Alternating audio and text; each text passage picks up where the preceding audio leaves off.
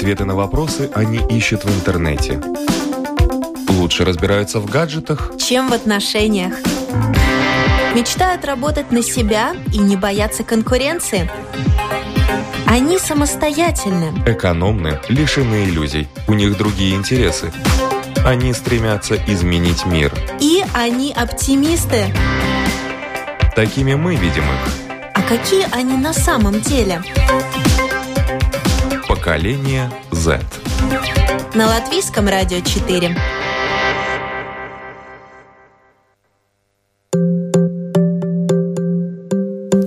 Здравствуйте, уважаемые радиослушатели. У микрофона Марина Талапина. За операторским пультом Лина Рудзона. Музыкальный редактор программы Кристина Золотаренко. И сегодня мы будем говорить о занятости. И о занятости молодой части нашего населения. Например, в Рижском микрорайоне Имонта на одной из улиц на столбах развешено объявление «Мне 10 лет. Умею мыть окна, посуду, красить, подметать и оставлен номер телефона. Вот сегодня в программе «Поколение Z» мы решили поговорить о трудовой занятости молодежи летом. У нас уже не первый год Государственное агентство занятости представляет информацию и вообще представляет, собственно говоря, в стране возможность летней подработки для школьников и в каких сферах себя можно реализовать. Почему одни школьники стремятся работать, другие вообще об этом даже не думают и, э, возможно, задумаются только после того, как закончат высшее учебное заведение. Сегодня об этом мы поговорим с нашими гостями. Я рада представить у нас сегодня в студии работающие школьники Лаура Фелдмана. Здравствуйте. Артур Архипов. День добрый. Старший эксперт Государственного агентства занятости, отдела мероприятий по занятости населения Каролайна Пастора. Здравствуйте. И также у нас в гостях эксперт Геннадий Бревде, декан Восточно-Европейского факультета Международного института исследований сознания и психотерапии города Фрайбурга, Германия, один из ведущих специалистов Европы в области новейшей психологии и психотерапии. Уважаемые радиослушатели, как всегда, мы вас... Мы вас просим писать нам, а, тем более, что у нас такие гости. А, в студии пишите нам, задавайте свои вопросы, пишите свои комментарии, и мы обязательно их озвучим. И хочется, наверное, начать э, с молодежи. Лаура Артур, э, хочется услышать ваши истории, со скольки лет вы работаете, и с чего все началось, почему решили работать, хотя могли бы отдыхать еще. Ну, скажу так, то, что я работаю с 15 лет, потому что как раз Нодермин, это ибо Свалс агентура предлагает работать именно с 15 лет.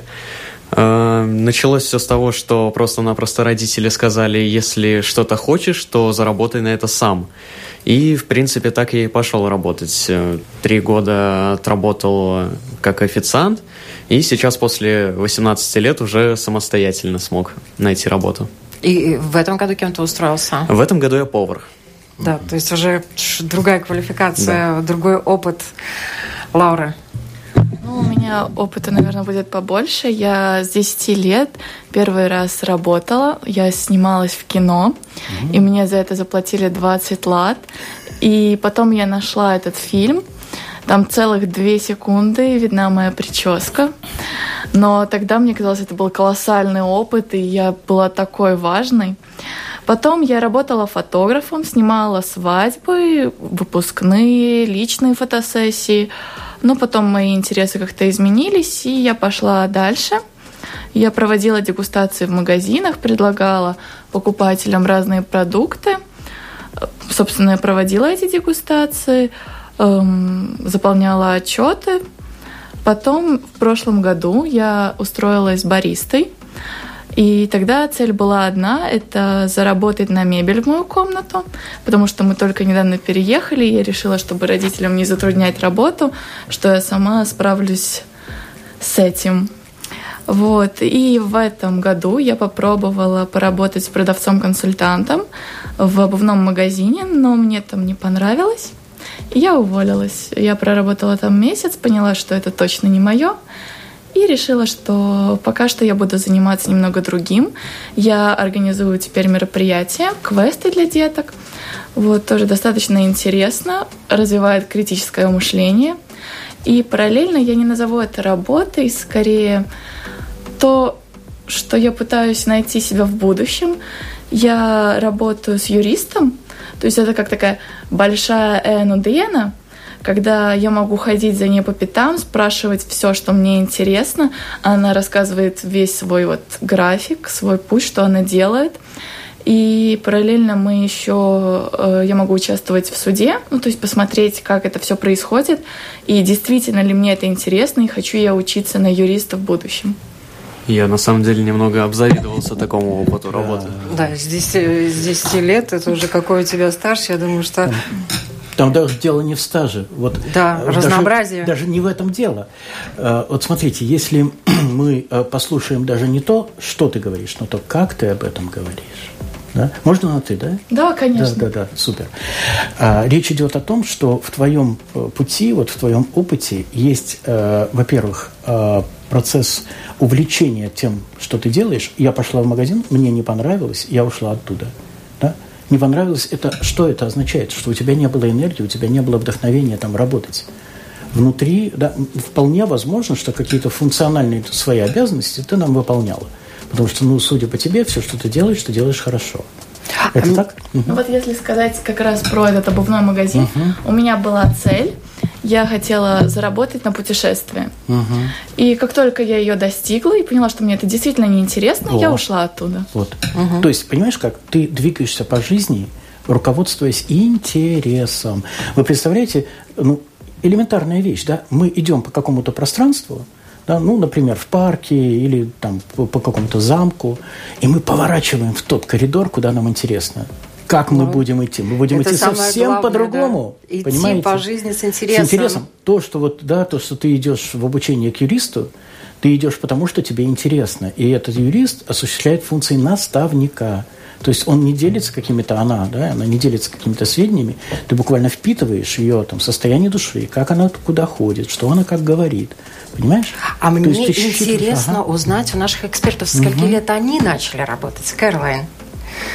Uh, в свое время я начала работать, наверное, с 18 лет. Это тоже были своего рода подработки. И потом уже начиная с магазинов и вот так я и оказалась там, где я работаю сейчас. А теперь привлекаете народ и находите другим работу, да? Да, можно и так сказать, конечно. Угу. Ну, Геннадий, конечно, очень интересно узнать и ваш опыт. Во сколько лет вы свои первые деньги заработали? А, это было э, в 16 лет. Вот. И причем, ну, смотрите, какая история, что деньги – это супер. То есть, что такое деньги, по большому счету? Это показатель востребованности, нужности и ценности. То есть, когда тебе платят деньги, значит, тебя ценят, значит, ты нужен. Ты чувствуешь себя по-другому. И вот как раз в 16 лет я получил первый опыт а, я работал в неком научно-исследовательском институте. Это было очень давно. Я работал в научно-исследовательском институте, в лаборатории. Я там делал исследования. Мне эти исследования очень нравились. И более того, там потом было там, свидетельство об изобретении на эту тему. Вот. И потом я получил зарплату в два раза больше, чем вообще я это было, это было фантастическое все, да, вот то, что я делаю, это классно, мне это нравится, это приносит людям пользу, и люди это ценят и отвечают мне, и они мне благодарны. Вот это процесс, вот это базовый процесс, да, в котором мы живем. И это было в 16, да. Угу. То, что касается школьников Латвии, вот сколько на сегодняшний день было подано заявок, сколько народу у нас работает, насколько активны школьники в своем желании летом подработать, получить зарплату, не обременять своих родителей карманными расходами и так далее? А, ну, если, например, сравнить с прошлым годом, то на данном этапе государственная служба по агентству занятости предлагает на 2000 уже больше рабочих мест. То есть 7177 мест предлагается в этом году э, школьникам которые подают заявки, регистрируются на нашем сайте. И, конечно, если смотреть на активность как школьников, так и работодателей, то это всегда очень-очень высокая активность. То есть э, в прошлом году школьники подали, наверное, буквально в два раза больше э, заявок на работу, хотя мест было только столько, сколько их было. Э, конечно, работодатели тоже очень, очень активно подают свои заявки, э, когда они весной подают на участие в нашем мероприятии. Конечно, их потом проверяют. Не все, может, э, попадают на это мероприятие по каким-то иным причинам, но активность очень-очень высокая, с каждым годом все выше и выше растет. То есть больше и больше увлекается да. молодежи в это и работодатели в том числе. Конечно. Работодатели тоже заинтересованы, чтобы у них работали молодые ребята mm-hmm. летом, чтобы отпустить своих сотрудников на отдых, например, да. Э, то, что касается вообще ваших одноклассников, э, друзей, сверстников, насколько они активны, э, много ребят работает? Ну, скажу по поводу своих знакомых, то, что в основном они работают, к сожалению, как я считаю, неофициально. А, работая неофициально, да, они получают больше денег, однако трудовой стаж как бы все равно насчитывается на официальной работе. Опыт, ясное дело, но все-таки я придерживаюсь того, что лучше официально работать. А, те, кто работал по программе НВА, Нодерминат и Басвалс агентура, они столкнулись с многими проблемами, то, что как раз-таки не берут. Потому что в 15 лет, когда я только подавал в одну организацию документы через НВА, а, меня сначала не взяли. А, меня просто-напросто не взяли, и только через знакомых, которые как раз-таки работают. Поэтому получилось. То есть я тут замечаю. Сработал а это блат. блат. Это блат. Потом, ладно, я хорошо себя зарекомендовал, и потом в следующие года меня уже как-то попроще э, пропускали на эту работу. Однако я задумался. А разве я единственный такой? Может, как бы много уже детей, ну, подростков, которые зарекомендовали себя, и их просто каждый год вот так пропускают. Uh-huh. Вот у меня тут вопрос такой складывается. А действительно ли можно сейчас получить опыт работы? Потому что из моих знакомых только один человек, только один человек первый раз э, прошел по этой программе как раз-таки. Эм, хороший, конечно, вопрос. А, но я напомню то, что регистрация школьника, во-первых, это еще не гарантирует участие в том самом мероприятии, потому что, так как я уже упомянула, мест намного меньше, чем чем регистрирующихся школьников. И еще что я хочу сказать, э, Э, министру кабинета noteikumi, они подразумевают, что школьник может до этого договориться с работодателем, прийти, э, скажем так, у нас все списки работодателей публикуются на нашей странице, Э, школьник может э, индивидуально договориться, например, с работодателем прийти, пройти отбор. То есть э, наше мероприятие подразумевает не только то, что школьник регистрируется и автоматически получает работу, но он еще получает и очень важные качества, которые, в принципе, выявляются у него во время этого процесса, то есть он сталкивается с конкуренцией. Что может э, э, и в будущем он будет сталкиваться, но это вот уже первый тот шаг, что он чувствует эту конкуренцию, он идет, э, подает свой CV, показывает, то есть может, может у кого-то больше каких-то навыков есть. Э, может, например, один год он э, подал, школьник подал свою заявку на определенную сферу, в которой, может, другой школьник лучше себя показывает и Возможно, очень много факторов, конечно. И плюс тоже, да, школьник работает в нашем мероприятии один месяц, но в отдельных случаях, это опять тоже отдельные случаи, когда он может продлить свою, э, свое участие в мероприятии до двух месяцев. То есть, если, например, у них э, с работодателем э, сложился хороший контакт, например, работодатель видит, что школьник очень усердно трудится, многому научился, и тогда бывают такие случаи, что из года в год, конечно, школьник подает заявку уже конкретному работодателю. То есть, возможно, да, ситуация, что работодатель тоже отбирает школьника, который ему больше, э, наверное, подходит по каким-то навыкам. Или в другом случае бывают тоже варианты, что работодатель, например, э, берет школьников, у которых еще нет навыков, он готов сам обучить. И это тоже Хороший все зависит вариант. от того, куда подали все, заявку. Все, в принципе, зависит угу. от того, как, э, как э, получилось подать заявку в определенную сферу, попал ли ты к определенному работодателю. Бывали варианты тоже, что, например, один год не получилось, зато на следующий год к очень интересному работодателю попадаешь, и интересная сфера, и в итоге школьники потом там и развиваются. Так ну, что да, тут разнообразное. Ну, то, то, то, что, возможно, есть блат, mm. или куда он не делся, это интересно. Нам mm-hmm. пишут. Mm-hmm. Нам пишет один э, радиослушатель, его зовут Олег, хочет узнать, где же, где же расположена психика, каковы ее структуры. Я думаю, ну, что... Это не про сейчас. На, э, бесспорно, да, но подтвердят э, все, кто хоть чуть-чуть изучал психику, что она расположена в пятках. На этом вопрос будем считать закрытым. А вторая вторая половина вопроса очень интересная. Разные деньги э, э, можно получать за один и тот же труд. 1 евро в час, 3 евро в час, 5 евро в час, 15 евро в час. Вот, вот то, что касается заработной платы. Насколько вы э, удовлетворены теми заработками, которые вы можете э, за лето получить от работодателя? Ну, я могу сказать то, что я теперь поняла, почему так много людей воруют и пытаются не уплачивать налоги, потому что когда пришла моя зарплата, и я поняла то, что ну, чуть меньше половины я отдала на налоги государству, я, конечно, была удивлена. И э, мои девочки, с которыми я работала, они сказали, что да, чем больше зарабатываешь, тем больше отдаешь.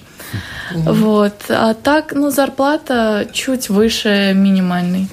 Mm-hmm. Говоря по поводу программы как раз-таки подростков летом, э, мне не дадут соврать то, что половину платит минимальная зарплата, половину платит работодатель, половину платит государство. Э, но минимальная зарплата, учитывая то, что ты работаешь 35 часов в неделю, все-таки для подростка, может быть, да, неплохо. Но когда ты переступаешь этот порог с 17 на 18 лет и становишься совершеннолетним, э, тебя берут на работу с более, более высокой заработной платой. Ну, то, что касается, например, э, твоей работы, официант и повар, такие достаточно в нашем государстве нормально оплачиваемые специальности, да, вот, и тут, э, наверное, о минималке говорить даже, наверное, немножко странно.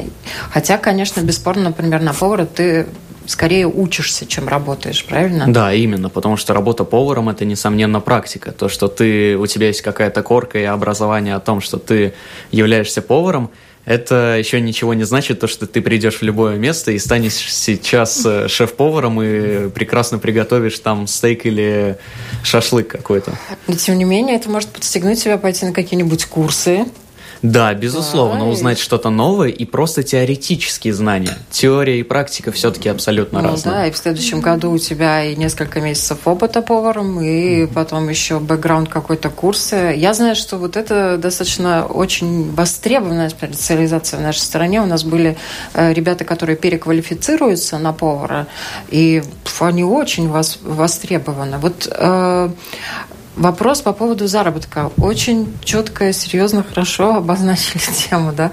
Хочется зарабатывать и хочется зарабатывать больше. То, что касается ребят, которые работают по этой программе, у них есть там, я не знаю, конкуренция в зарплатах наверняка тоже, да? А, я хочу Какие заметить, самые что... большие деньги заработали? Самые большие я, наверное, не назову, но э, я хочу заметить то, что принципе, зарплату, э, даже участвуя в нашем мероприятии, э, называет э, работодатель. То есть, когда он подает заявку, он может заполнить заявку, скажем так, и указать минимальную зарплату, а может указать и больше.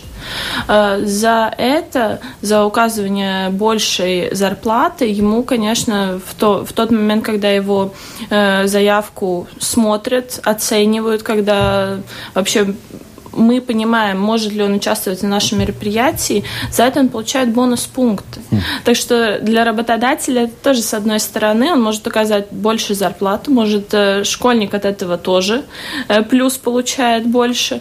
И, и вместе с тем для, и для работодателя это большая возможность попасть на мероприятие. То есть, э, конечно, зарплата – это большая мотивация, но вместе с тем, конечно, нельзя забывать, что мероприятие, которое предлагает государство, государственная служба занятости. Это по большому счету старт, э, когда школьник э, познает всю эту рабочую жизнь. Это может для тех детей, которые э, никогда не работали. Для них это первая, для очень многих это первая рабочая сфера, первое, первое столкновение с работой.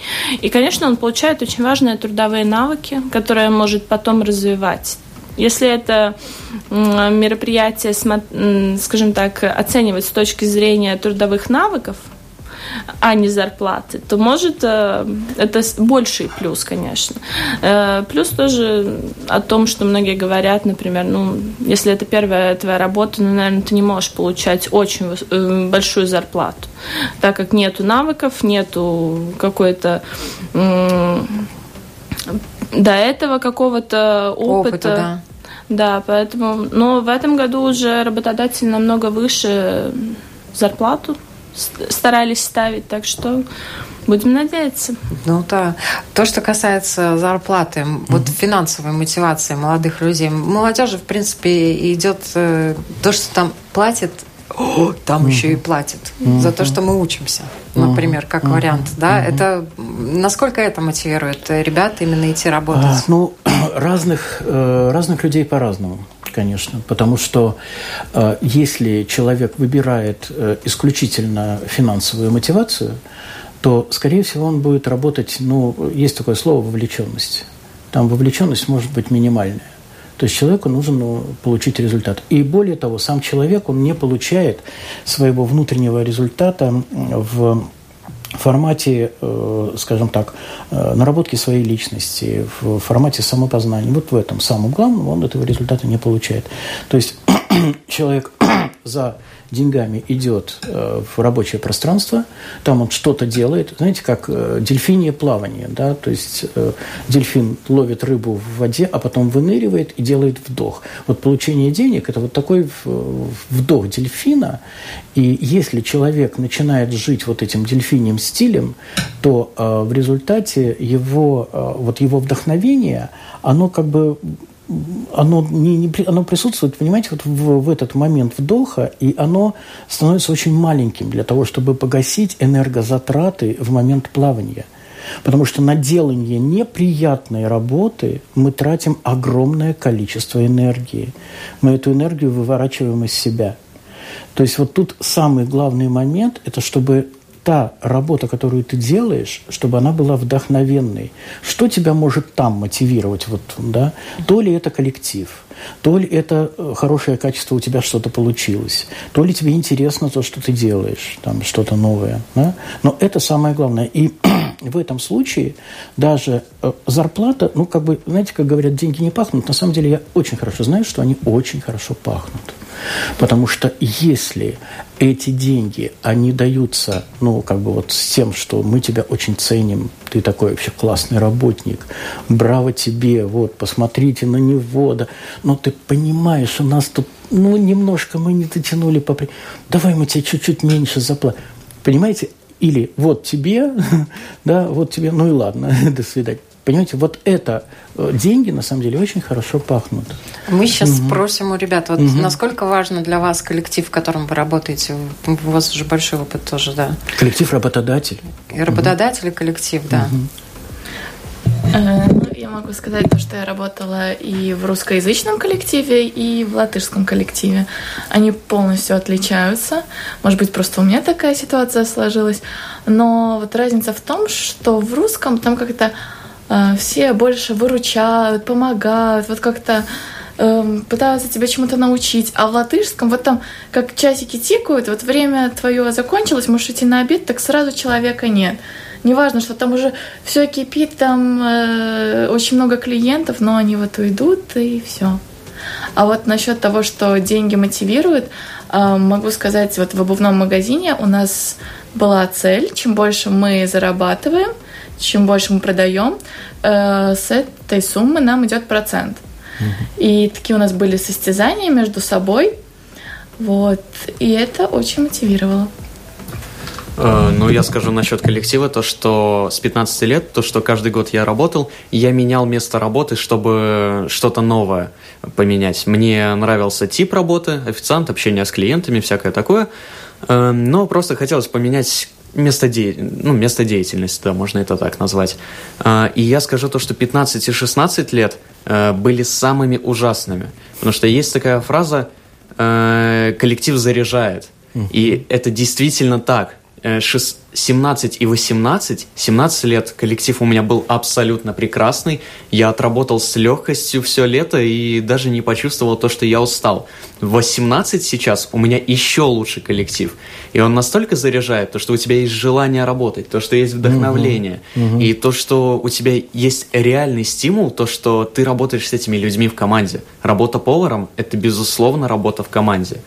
И поэтому у тебя даже отношения дружеские складываются вне работы с ними, потому что это действительно хорошие люди, которые помогают тебе, mm. и ты помогаешь им. Ну, это, безусловно, этот социум нам очень много пишет, причем пишут про вот такие вот абсолютно меркантильные вопросы, какая сумма необходима для выживания в Риге, например, да? Очень большие деньги необходимы, сразу вам скажу. Вот. Мы, наверное, не будем, вот если будут попадаться вопросы по теме нашего да. сегодняшнего да. эфира, я буду их зачитывать, мы будем э, к ним обращаться. если, уважаемые радиослушатели, извините, пожалуйста, вы пишете не по теме, просто хочется не, не отклоняться от заданного курса, я прошу прощения, э, мы не будем засчитывать эти вопросы. То, что касается ребят, которые хотят работать, все понятно, да. Кто-то идет ради денег, да. Вот, ну, вот меня вдохновило вообще это объявление в Имонте.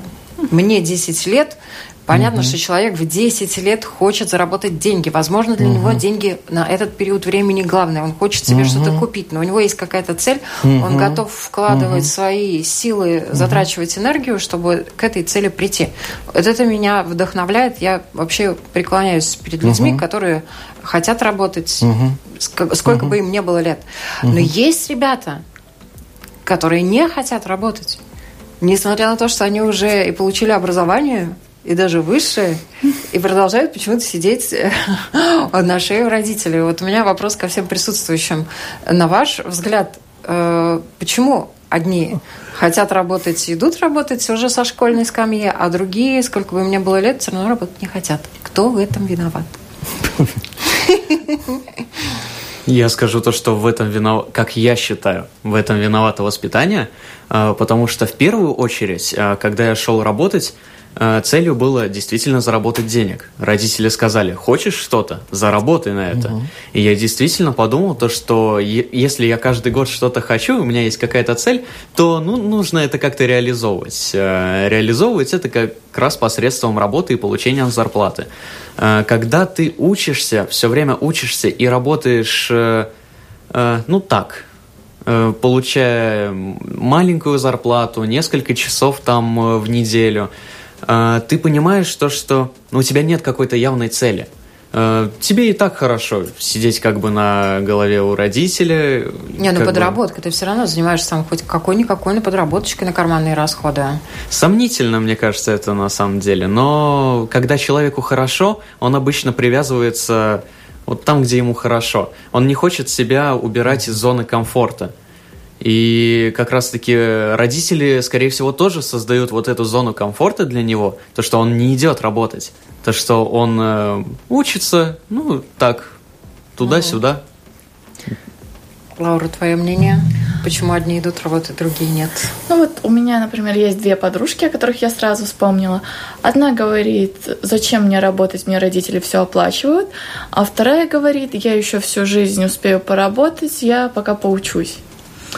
Вот. Ну, из этого можно сделать вывод, то, что кто хочет, тот будет работать, а кто не хочет, тот найдет любые отговорки.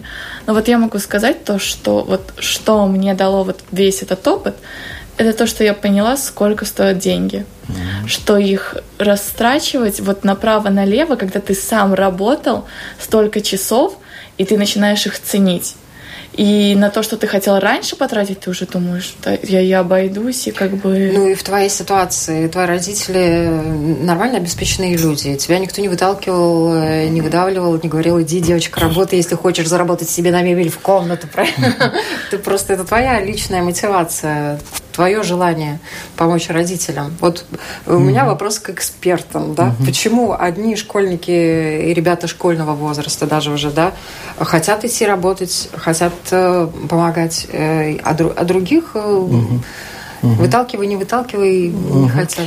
Тут, понимаете, нельзя же как бы одним ответом ответить на все ситуации, Бесспорно, которые ситуации конечно. разные. Но есть э, некие базовые моменты. Вот когда э, да, было сказано, что э, дело в воспитании, то вот в этом воспитании нужно вот этот базовый компонент выделить. То есть это, что это такое? Это ценности родителей которые могут быть взяты, всосаны прямо вот как бы и с молоком, и в дальнейшем, всосаны ребенком. И если а, вот среди этих ценностей есть такой момент внутренний, это не про то, что если ты будешь так себя вести, тебя э, похвалят или дадут тебе какую-то премию, а потому что это внутренний момент, это ценность справедливости.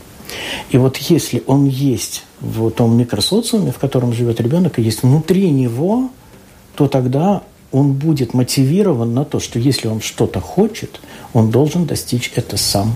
Что выпрашивать это, вымораживать как-то вот так, вот при этом будет нарушен вот этот барьер э, внутренней справедливости.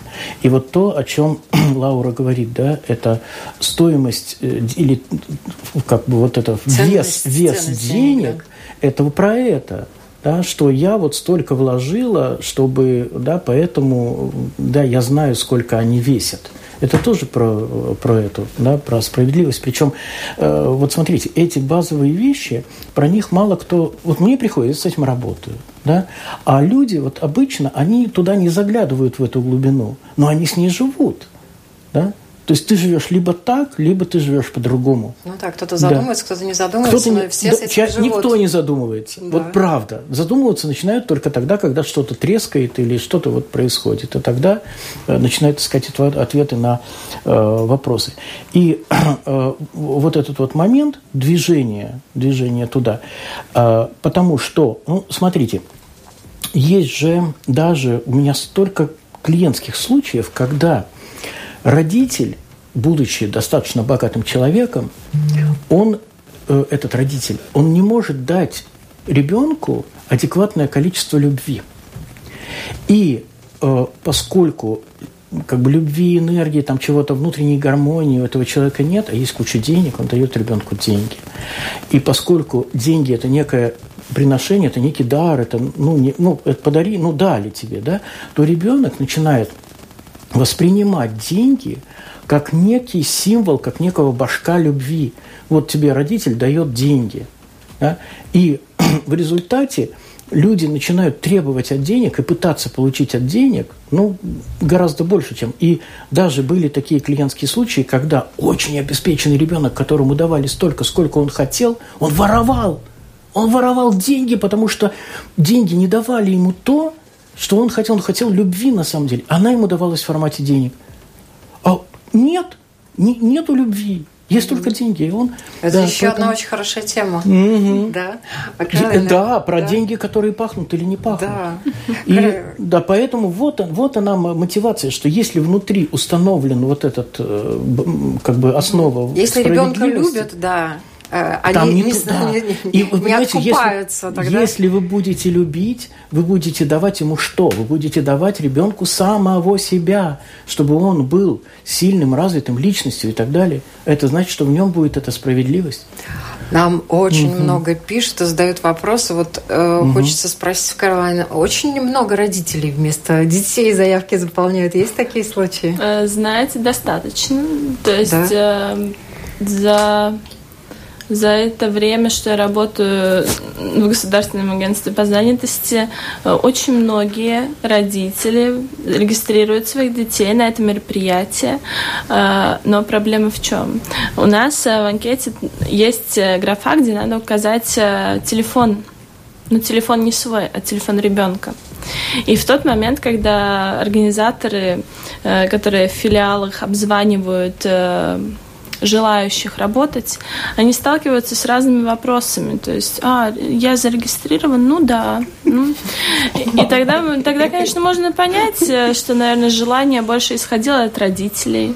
Что, конечно, тоже логично. Может, они хотят, э, чтобы ребенок скорее начал работать, но, но проблема-то еще и в том, что э, даже если ребенок попадет на работу, работать-то ему тоже придется. То есть ему деньги так просто не будут давать. А придется приходить рано, придется определенное количество часов работать, 7 или 8 часов э, с утра до вечера. Это, конечно, ребенку, который не хочет работать, это нереально. Э, поэтому очень многие в, нашей, в нашем мероприятии, очень многие тоже дети уходят или, например, сменяются более мотивированными угу. школьниками, что, конечно, тоже нормально. То есть попробовал, хочешь, не хочешь, ну, так Пока уж... можешь сидеть у папы с мамой на шее, да, можешь и не хотеть. Да, конечно, но тоже мы можем видеть, что очень многие школьники, даже если они не попадают на наше мероприятие, ну, например, уже мест нету или какие-то другие факторы, они все равно продолжают искать рабочее место. У нас есть CV-портал, где тоже очень многие работодатели регистрируют свои заявки, и школьник может сам найти, то есть через наш CV-портал работу, Э, потому что, ну, как я говорила, не все работодатели попадают на наше мероприятие. С финансированных мест, конечно, тоже определенное количество. Э, поэтому я бы тоже хотела сказать, что те, кто хотят, те, кто ищут, обязательно найдут работу и получат этот именно труд, трудовой навык, получат опыт. И я желаю, конечно, всем пробовать. Может, если не, не с первого раза попали, то на следующий год возможно. Ну и плюс тоже CV-портал очень хороший вариант, где те, кто более мотивированы, угу. может, если не попадают с первого раза, ну, находят работу там. Кто еще тут найдет? Да. Время э, летит стремительно, и я бы хотела задать вопрос, присоединиться, например, э, к Светлане. Э, вопрос эксперту, но я бы его хотела ребятам тоже задать и Карле.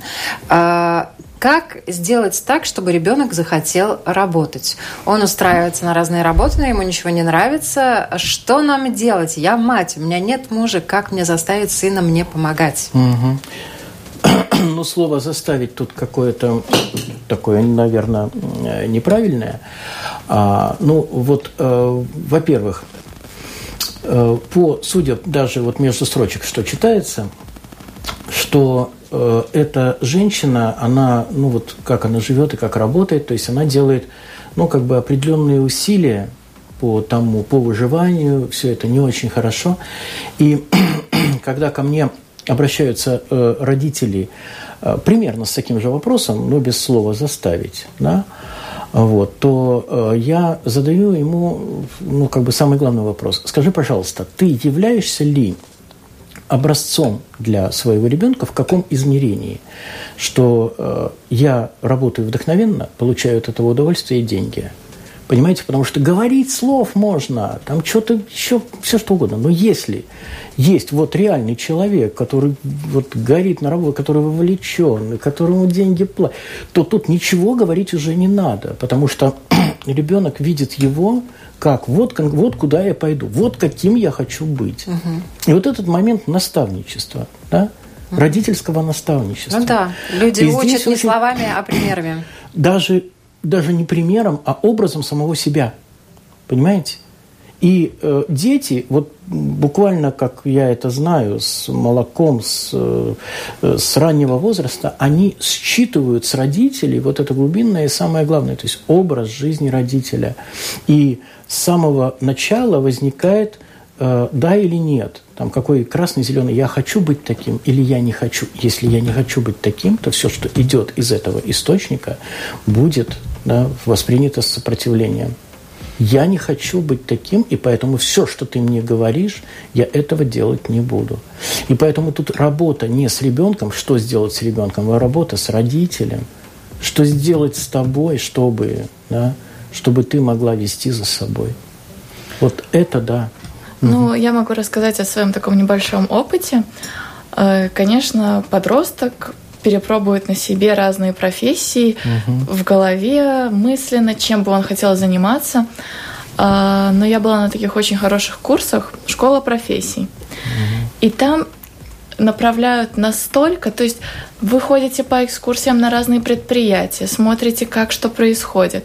Вас на месте, там вам дают разные анкеты, тестирование, рассказывают о профессиях. То есть там настолько разные э, профессии именно разбираются, предлагаются, чтобы ребенок сам нашел то, что он хочет, и подтвердил уверенностью, что именно этого он хочет. И тогда, может быть, именно как-то с этим искать какую-то профессию для подработки. Угу. Профориентация, угу. да?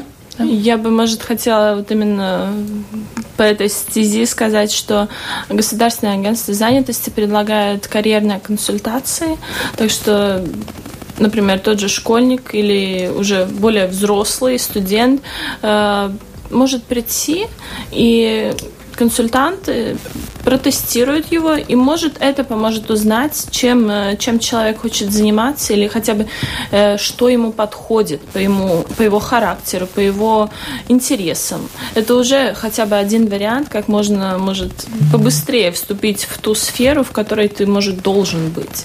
Ну и плюс тоже, конечно, тоже, наверное, пробовать идти ну, не первый раз, не второй раз, может, с третьего раза повезет, потому угу. что не все сразу находят.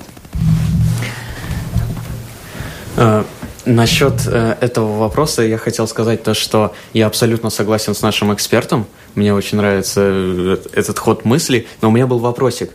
А все ли будет э, опровергаться, вот если ребенок видит и смотрит э, на своего родителя, все ли будет опровергаться, или может какие-то отдельные только моменты?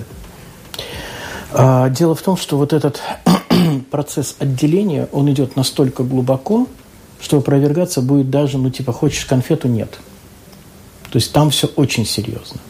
Потому что э, зачастую э, человек, который, ну, как бы, я так мягко скажу, не является целостным как личность, он вот эту свою нецелостность или раздробленность, или, ну, скажем так, болезненность – он транслирует в окружающее пространство. И в какой-то момент у э, ребенка возникает э, ну, как бы такой порыв самозащиты. То есть построить границы, построить себе оболочку. А это как строится граница? Да, нет. Да? То есть Латвия – это не Литва. Мы провели границу, да, я нет, я не буду. И потом, когда сталкиваются с этой Э, ну, как бы с этой проблемой или с этой ситуацией, то называют ее разными именами, но на самом деле в некоторых ситуациях это в некоторых да, в, в случаях это, э, это движение, это развитие является единственным спасением для этой маленькой личности. Это построить эту границу, угу. через которую не будут проходить вот эти вот э, токсичные волны. Угу. Вот если вернуться к нашей теме, мне кажется, Каролина сказала очень ценный совет, что в молодом возрасте можно пробовать, да, пробовать, пробовать, да. пробовать себя искать совершенно безобидно, это нормально, это хорошо, и к этому спокойно надо относиться и родителям в том числе, да, и нам очень много пишут сегодня вот про справедливость. Наша молодежь экономически не может иметь детей, потому что мало платят за работу, либо требуют работать по 12 часов каждый день. Елена пишет, Олеся, я не могу найти работу по душе, чтобы посоветовать советуете, мне 22 года, я хорошо зарабатываю, но я не хочу работать, э, но боюсь менять, потому что не верю, что найду по душе. Ну, я просто угу. зачитаю, потому что мы уже не успеем ответить, угу. да. А, Пару слов сказать. Обычно э, Павел пишет, меня работодатель хвалил, когда я работал почти бесплатно, когда я потребовала деньги за сверхурочный труд, я сразу стал плохой, от меня начали избавляться самыми варварскими методами. Вот. И куда обращаться, если работодатель обманет работника? Насколько вот считает трудовая инспекция в этом отношении не может справиться с проблемой, да? Тут очень много вопросов. Э, вообще, то, что касается вот завершения нашей программы, буквально по несколько, по 30 секунд по минуте каждому, в контексте нашей темы, да, хотелось бы, наверное, обратиться к более старшему поколению, чтобы вот что надо делать, чтобы не отбить желание у детей работать? да, и пробовать себя в разных сферах, не обязательно в одной. Да, вот что надо сделать? И к вам, молодые ребята, тоже, да? Да. Ну, я первый, да? Давайте. Так я очень коротко. Всего два слова. И причем вот э, я имею дело, я работаю с работодателями офигенно высокого уровня, то есть которые руководят корпорациями с миллиардными оборотами. И там работает вот что. И так же, как и с любым человеком. Всего два слова – ценности и вовлеченность. Да, вот когда Лаура говорила, она приходила, там было все это информация, все, вот эта атмосфера вовлеченности, то, что ты делаешь, тебе нравится, то, что ты делаешь, тебя вдохновляет, ты, ты делаешь это ответственно, ты делаешь, ну да, и ценностями. Что для тебя главное? Если в работодателе есть эти две вещи, то его дело двигается, к нему приходят, ну, это еще нужно уметь, да, к нему приходят соответствующие работники, он соответствующим образом настраивает. И это притягивает. Он поддерживает, правильно? Да. И тут вот как да. и родителям, так и работникам, и работодателям создает. важно создать атмосферу Создает. поддержки, Да. внимания, важности каждого сотрудника, сколько бы не было ему лет. Каролина. Но мне кажется, поддержка это очень важное слово, не только со стороны работодателя, но со стороны и родителей. В, нашей, в нашем случае, когда школьника надо, конечно, поддерживать э, в любых его начинаниях относительно, я имею в виду, работы. Э, может, если первый раз он пойдет, я не знаю, коп- копать ямки, поддерживайте. Потому что в следующий раз он может пойти и, например, ассистентом устроиться. Так же, как в нашем мероприятии очень разные эти программы, очень разные профессии бывают. Э, Пусть э, школьник пробует, пусть э, идет на карьерные консультации, пусть идет, участвует в разных мероприятиях, которые ему по его возрасту еще очень, очень здорово, можно ими воспользоваться и попробовать разные сферы и понять, что он точно не хочет, например, делать. Это уже много. И Конечно, ну, со временем э, понять тоже и то, в чем он хочет дальше развиваться, и поддерживать уже и дальше тогда своего ребенка. Ребят, А, на самом деле я бы просто-напросто сказал то, что не спонсировать э, крайне сильно, потому что вот это как раз-таки спонсорство, оно заменяет э, действительно любовь. И я бы посоветовал родителям просто-напросто э, давать волю и самостоятельность детям, чтобы они э, сами реализовывались, сами реализовывали свои мечты. И просто чтобы он понял ценность этих денег или ценность этого приобретенного опыта. А я скажу то, что никогда не надо бояться что-то менять в жизни, пробовать что-то новое, наслаждаться ею и делать то, что тебе действительно приносит удовольствие. Спасибо Супер. огромное. Да, я в свою очередь добавлю а, такой у меня есть маленький список. Я подготовила о том, кто с скольки лет начал работать и какие деньги заработал из известных личностей. Например, Джастин Тимберлейк, певец, состояние 70 миллионов долларов. 10 лет отчим купил ему акции, научил играть на бирже. Эндрю Карнеги, сталелитейный магнат, состояние на пике карьеры было 298 миллиардов долларов. С 13 лет работал на текстильной фабрике, получает 2 доллара за 6 дней.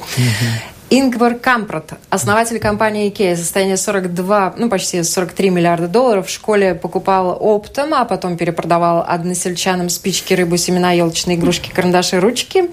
Стив Джобс, основатель компании Apple, состояние на момент ухода из жизни 7 миллиардов долларов, 12 лет зарабатывал, собирая устройства вроде компьютеров и диктофонов, и затем продавал их.